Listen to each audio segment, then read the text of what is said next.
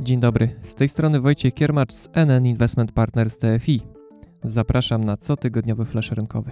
A w nim, dlaczego na rynkach tyle mówi się o parytetach? Co mocny dolar i słabe euro oznacza dla rynków i inwestycji? A na koniec coś dla tych, którzy zastanawiają się, jak ich pieniądze powinny spędzić w wakacje kredytowe. Zaczynamy. Parytet od łacińskiego słowa paritas oznacza równość.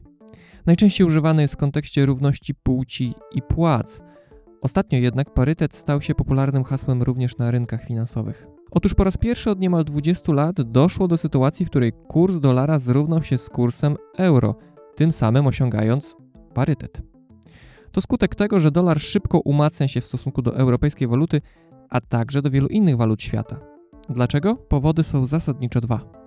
Po pierwsze, amerykański bank centralny, czyli Fed, zaostrza politykę monetarną. W marcu rozpoczął cykl podwyżek stóp procentowych. Po drugiej stronie Oceanu Atlantyckiego Europejski Bank Centralny jeszcze nie zdecydował się na ten sam ruch. Podnoszenie stóp procentowych w tak wiarygodnych krajach jak Stany Zjednoczone generalnie powinno umacniać walutę.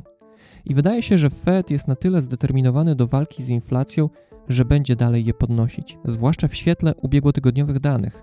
Wynika z nich, że tempo wzrostu cen w czerwcu wyniosło ponad 9% rok do roku. To wyżej niż spodziewał się rynek. Dalsze działania Fed nastawione na walkę z inflacją powinny więc wspierać dolara. Po drugie, Europa ma swoje problemy i to osłabia euro. Unia Europejska dotychczas uzależniona była od dostaw rosyjskiego gazu i ropy. Teraz stoi w obliczu kryzysu energetycznego i mocnego wyhamowania gospodarki. Tę prognozę wspierają dane z Niemiec – w maju nasz największy partner handlowy odnotował deficyt, to znaczy wartość jego eksportu dóbr i usług była niższa od importu, po raz pierwszy od 1991 roku. Tak więc parytet na euro-dolarze to efekt działania dwóch sił: mocnego dolara, który spełnia teraz rolę tzw. Tak bezpiecznej przystani, i coraz słabszego euro, które odzwierciedla kondycję europejskiej gospodarki i niepewną przyszłość. Szybko umacniający się dolar i równocześnie spadające rynki akcji to znak, że inwestorzy na całym świecie unikają ryzyka i przenoszą kapitał w bezpieczniejsze miejsce. Stąd tak gwałtowne spadki na rynkach akcji, w szczególności w ostatnich dwóch miesiącach. Wydaje się, że w tych warunkach Stany Zjednoczone są w lepszej pozycji niż Europa, chociażby pod względem zabezpieczenia energetycznego. I tu wracamy do tego, jak ważna w budowaniu portfela inwestycyjnego jest dywersyfikacja. Inwestując warto myśleć globalnie, a nie lokalnie, bo może się okazać, że nasz region pozostanie pod presją na dłużej.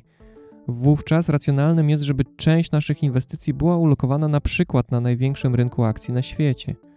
Albo w fundusze inwestujące w spółki o bardziej defensywnym charakterze, np. sektora finansowego, ochrony zdrowia czy użyteczności publicznej. To oczywiście nie gwarantuje uniknięcia przejściowych strat, zwłaszcza że na rynkach akcji mamy bessę, ale może stanowić pewien sposób obrony przed nadchodzącym spowolnieniem gospodarczym.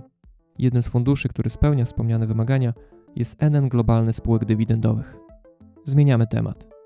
Prezydent Polski podpisał ustawę wprowadzającą możliwość korzystania z tzw. Tak wakacji kredytowych. Posiadacze kredytów hipotecznych będą mogli zawiesić spłatę w sumie do 8 rat. Po dwie w trzecim i czwartym kwartale tego roku i po jednej w każdym kwartale następnego roku. To nie oznacza, że banku może równowartość tychże rat. Po prostu kredyt zostanie spłacony o 8 miesięcy później. Czy to się opłaca? Ostatecznie okaże się pod koniec trwania spłaty naszych kredytów. No bo po prostu nie wiemy, czy stopy procentowe wówczas nie będą jeszcze wyższe niż dzisiaj. W zamyśle wakacje kredytowe mają wesprzeć osoby, które boleśnie odczuły wzrost stóp procentowych i mają trudności z regulowaniem bieżących zobowiązań. Ostatecznie jednak każdy, kto zaciągnął kredyt hipoteczny w polskich złotych, może ubiegać się o zawieszenie spłacania rat. Pieniądze, które teraz zostaną w kieszeni, można spożytkować na kilka sposobów.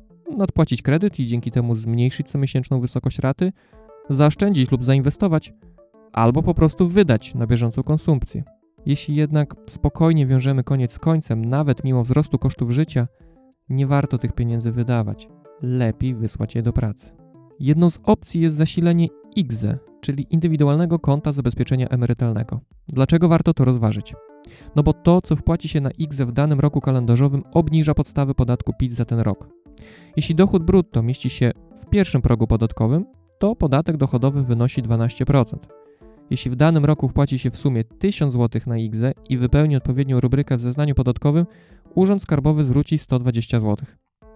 Jeśli ktoś zarabia więcej i wpada w drugi próg podatkowy, to może liczyć na to, że na konto wróci 32% tego, co wpłacił na IGZE, czyli w tym przypadku 320 zł.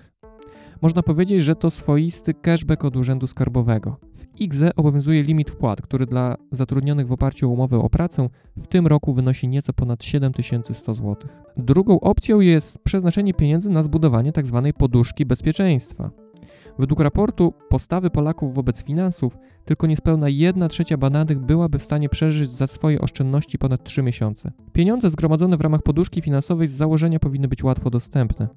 Warto rozważyć ulokowanie części takiej poduszki finansowej, np. w funduszach dłużnych krótkoterminowych, to znaczy takich o najniższym poziomie ryzyka rozumianym jako zmienność notowań jednostki takich funduszy.